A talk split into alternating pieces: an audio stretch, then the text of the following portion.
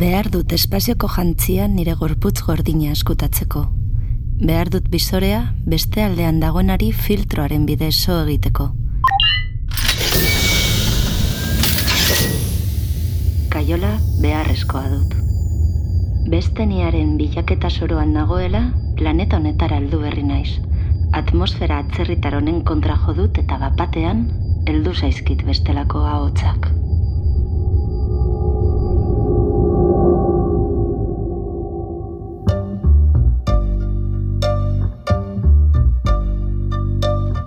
Big Bang leherketa suertatu zeneko emaitzetako bat naiz ni. Ahots planeta.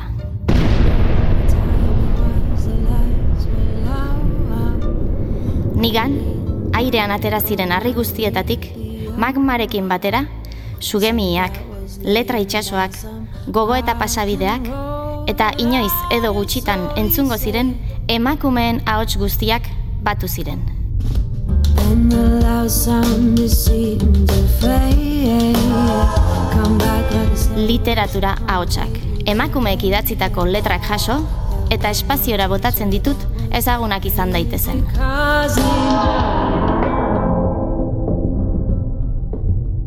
Ulertzen ez nituen ahotsez inguratuta jaio nintzen.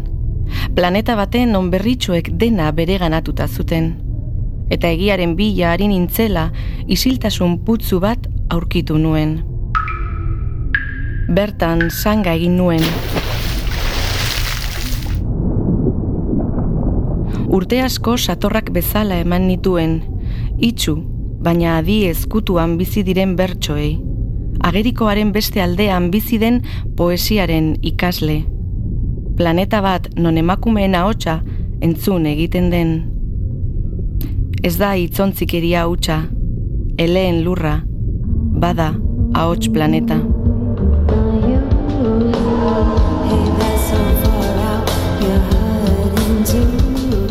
Literatura feminista da, ni naizen planeta bitxi honen ongarria.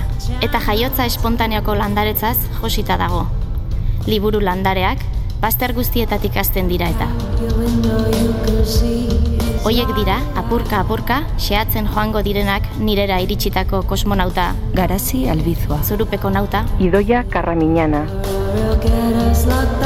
Kosmikoa izango den formakuntza esperientzia honetan parte hartu nahi?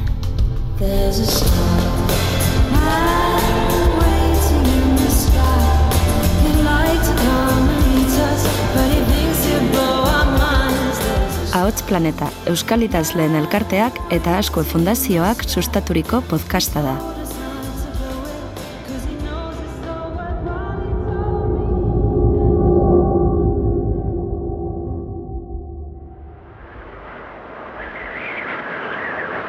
Negua beti duk luzea zuenean, baina beti bukatzen duk, beti leuntzen duk maiatzean. Hotzaren ziztadak arindu egiten dituk, eta antzarak itzuli beren etorrera zozoki iragarriz harrapaditzaten eskatu zia.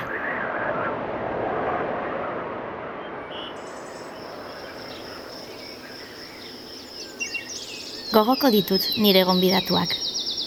Urteak dira, inor nire azalean zehar bueltaka ez dabilena. Hortxe dut idoia, landaren artean eserita, gozo-gozo, sudurra liburu baten barruan sartuta. Haren jakin minak kilikak sorrarazi dizkit. Eta ara, begirada nonbaiten galduta, garazi hurbildu zaio. Belardira bota du bere burua, etzan da, eta besoekin burko moduko bat eginda hasi zaio hizketan. Ari naiz pentsatzen ezinezkoa dugula ez ere ezagutzea. Zera, literaturan zein da ezagutzaren papera? Zelan heldu errealitate berri bat ezagutzeari gure nortasunak hori baldintzatu barik. Aukera ote dago?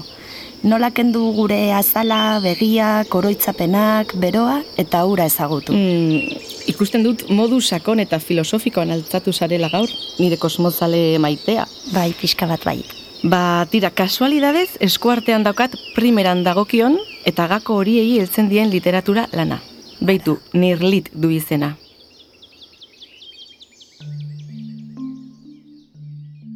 Nirlit, Juliana Level Trudelek idatzitako obra da. Aiora jakak itzuli du euskerara 2021 bat garren urtean. Txalapartak argitaratu du. Saluit herriskara lan egitera, uda sasoian heldutako emakumeak, desagertutako lagun inuitari kontatzen dio zertan den arkutzitako lurraldea. Zertan diren herrikideak.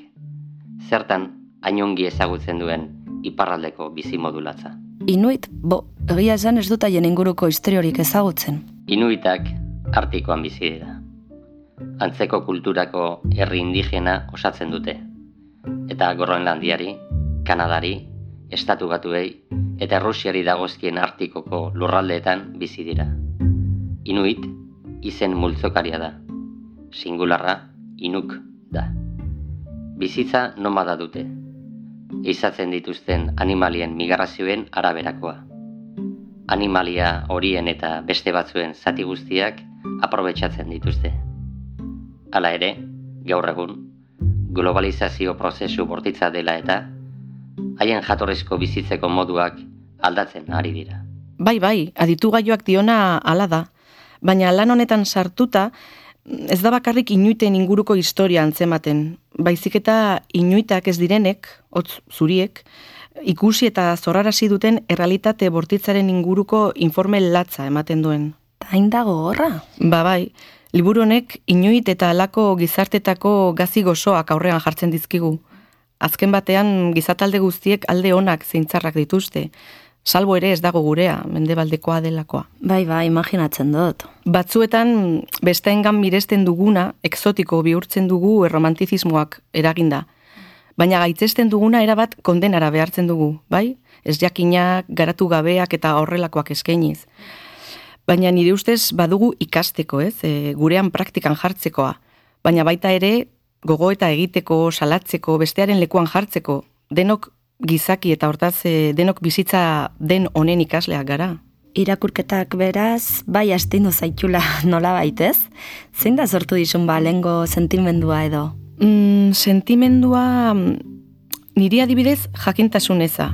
Ze, Batzuetan galduta daudela ematen duten pertsonaiek sentsazio hori iragazi didate.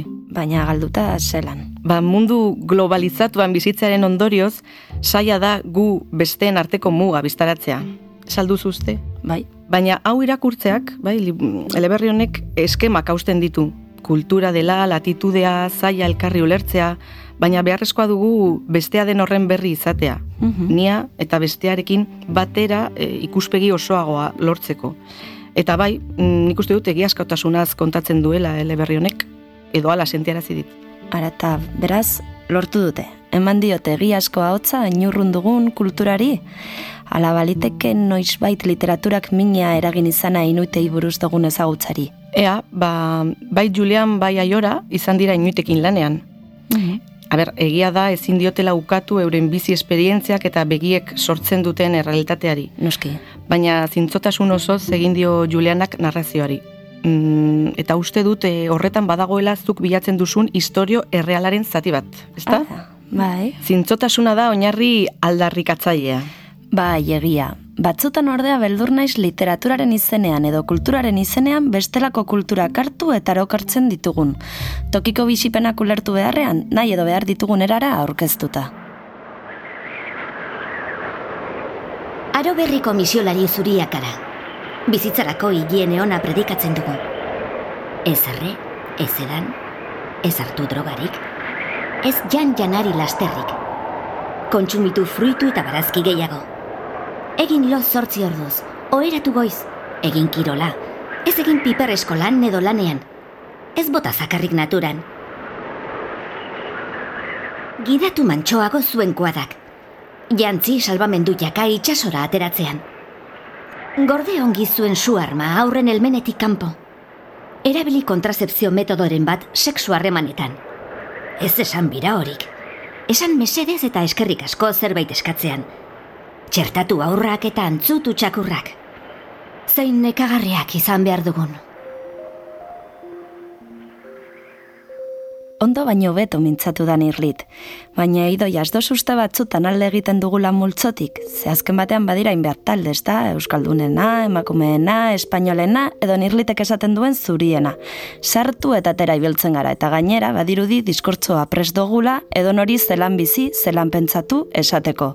Horrela ari izan dira inoitekin. Mm, Ba, nik uste dut nola bait, zuk esandako multzo hori aterpe dugula. Mhm. Eta Euskarri horrek ematen du aukera besteari esateko zelan egin hau edo bestea, baina multzoa era askotakoa izan daiteke. Baita zelakoa ba. Ba, mm, eleberriaren protagonista nagusia Eba, Eba emakume desagertuen multzoko partaidea da. Bazterrean ere, inolako aukerarik gabe noraezean dabilena ere multzo horretakoa da. Ez dakit, mm, privilegioa den edo zer, baina deseroso sentitzea, biziraupena bermatzen duen multzo baten barnean, kasu honetan zurien multzoan, beharrezkotzat jotzen du nolabait e, autoreak. Ja, zera, kritikoak izan behar garela, ezta? Ba bai, hori uste dut. Bestalde, harreta ditu dit hizkuntzak ere, bai? Ze hizkuntzak komunikatzeaz gain biltzen ditu bizimodu baten ezaugarriak. Baina komunikatzeko aburuz, hizkuntza hegemonikoa hartu hartu egiten du, ez? Ingelesa, gaztelania, frantsesa eta tokiko ezagutza oso murrizten dugu. Beste modu batean komunikatu beharko ginateke? Ba, ba, liteke, bai, ara beitu burura datozkit adibide zeinu hizkuntza. Bueno, hori ere erabater unibertsala ez da, baina bakizu zer, bitzia eta gainera Euskaldunon historiaren parte den zerbait kontatuko dizut. Ah, bai? Bota, bota. Euskal Balea eta Bakaio arrantzaleen eta Mikmak tribu inu eta beste amerindiar batzuen arteko piknina existitu dela. Ah, bai? Euskararen eta eleberriaren ageri diren tribu horien hizkuntzen artean. Hizkuntza integrala. Hizkuntza hegemonikoa gabe.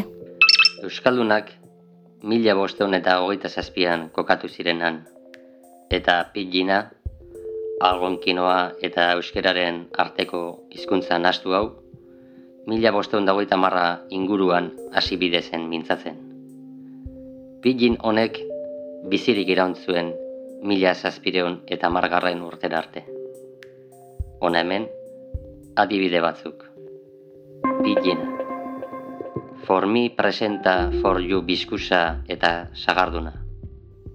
Euskeraz, bizkotxoa eta sagardoa emango dizkizut. Pidgina. Ania, kir kapitana? Euskeraz. Anaia, kapitana altzara? Bai interesgarria, ez da? Tira, hizkuntza dela eta ez dela igarri dut bide batez, inuit direlako hauek nik gorrotu dudan itzontzikiria ere saiesten dutela. Badirudi ez dutela eser esateko, baina hala ere, esalduzu uste haiek pairatutako infantilizazioak berak isiltasunera behartu dituela? Bai, ziurrenik. Neokolonialismoa dela eta... Zuek, inuitek, ez duzue hitz egiten, eta guk zuriok gehiegi hitz egiten dugu. Baliteke zu eta biok orain agian gehiagitzo hitz egiten jagitzea. Mm, bai, baliteke, bai. Dena den, ez hitz egiteak badu komunikatzeko beta, ez da? Isiluneetan geldotasuna sumatzen bada ere, isiltasun zuhurra edo pentsakorra dakusat, bai? Horren ordez bada azaleren hizkuntza garatu duten, bai? Non begiak baino ez diren mintzatzen. Eta garazi, beitu entzun beste hau. Bapatean lausotu egin zait ama alaben irudia. Eta ama hori neskato txiki bat bihurtzen da. Zeinari garrasika ari baitzaio beste ama bat. Zeina neskato txiki bat bihurtzen baita. Panpina errusiarrak dirudite. Bata bestearen barruan, azkenik gabe, leinu luze baten baitan. Eunka ama mozkorro juka. Bapatean neskatu bihurtuak. Negarrez, aur guztiak panpina errusiarrak. Amatasunaren kontua bai ikertzekoa da, ez da? Bai ba, entzundako paragrafo horrek oso irudi bortitza erakusten du. Aipatzen ari zinen azal hizkuntzatik igaro eta azal urratura eramaten gaitu. Badirudi gainera, patu bilakatu zaien leinutik leinurako oinordetzari ezin diotela uko egin. Dena den leinuaren helburuetako bat parte direnen garapena eta biziraupena bermatzea bada, kasu honetan, nik autogenosidioa kutzua ikusten diot. Tira. Egin beharreko galdera orain litzateke nork eraginda? Guk zuriok hezkuntza lezioak ematen dizkizuegu maiz. Zeuen aurrak nola ezi esaten dizuegu. Eta erabakitzen gaiote zarete nahietaz arduratzeko. Baina geureak ez ditugu onartzen hainbat lekutan. Zelan dira ba haien aurrak, eta nolakoak gure hezkuntza holkoak. Ba, bueno, eleberriak aderazten duena bada olako ezintasun bat, bai? Bertako aurrek euren horretan ezagutu eta ulertu eta ez epaitu ezinezkoa da zuriarentzat. Ara. Izua, beldurra eta arriskoa ikusten du zuriak. Baina zuriak eman alduen edozein aholku artifiziala da, ez? Sortu duten gizartearen antzekoa. Mhm. Niri gertatu zait olako ezintasun sentimendu moduko bat. Munduko beste leku batzuetan, ume soldaduak dituzte. Zuek aldiz, bomba aurrak, metralletan niniak, zepo umeak dituzue. Beraz, nolabait, estanda egiten dute aurrek, emakumeek, inuitet, zurien errealitate zizelkatu horretan. Ba, irakurrarengan estanda moduko sentimendua zorraraziko du, bai jakina. Eta ez horrekin bakarrik. Ha Ah, ez, zer gehiagorekin, adibidez, nolakoa da agertutako maitasuna. Ba, maitasuna ulertzeko modu berezia dute. Mhm. Nire ustez jabetza pribatutik arago doana. Hori izan daiteke berez talka puntu edo hauzian dinetako bat. Ara, Agian, dinot nik ez, erikursirik badu euren isiltasunak, maitatzeko modu, zeinu eta hizkuntza bereziak sortzen dituena. jabetza pribaturik aratago doana, bai interesgarria hori ez da? Bai, bai, baina begira, batek pentsa dezake baldarrak direla alako arloetan murgiltzeko orduan, bai, kanpotik ikusita agian, baina beharrezkoa da gertu gertutik begiratzea eta barne barnetik miatzea. Nola bait, euren artean egotea behatzaile mutu eta umil baten moduan. Ara, eta irakurleari pentsaraztan eragiteko topatu duen modua bada bigarren ahots hori erabiltzearena, ez da? Holan segituan egiten batzaitu konplize. Gainera, ikusi aldudanez bizatitan banatu du eleberria, Eba eta Elia. Bai, bai, Eba eta Elia ditu zuzeneko hartzaile narrazioaren protagonistak. Mhm. Baina irakurlea da momentu orotan historiaren partaide. Bai, eleberri motza da, bigarren pertsonan idatzitakoa eta bi hartzaile zuzena dituena ardatz. Mhm. Oso modu zuzenean jotzen du irakurlearen senari, eta ziztu izian harrapatzen duaren erritmo bortitzean. Nik uste dut kasu honetan gainera zenbait irakurlek gertu topatuko duela Eba eta besteren batek Elia.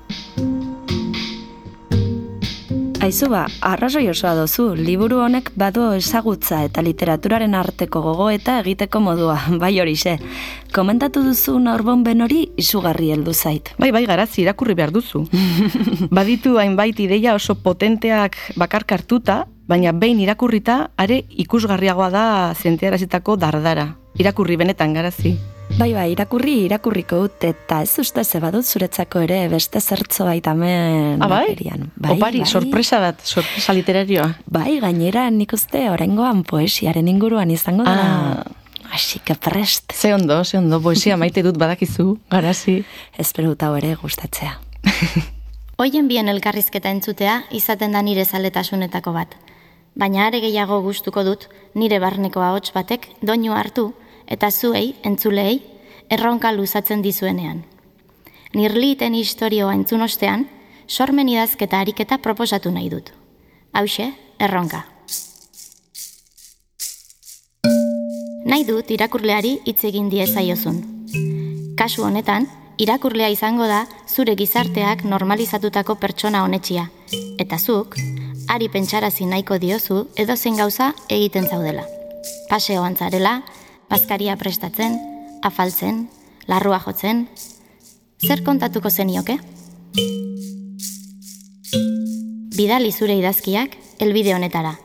ahotsplaneta abildua gmail.com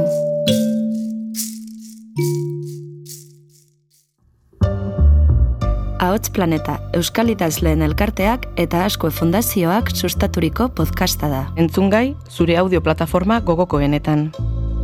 Didn't know what time it was, the lights were low.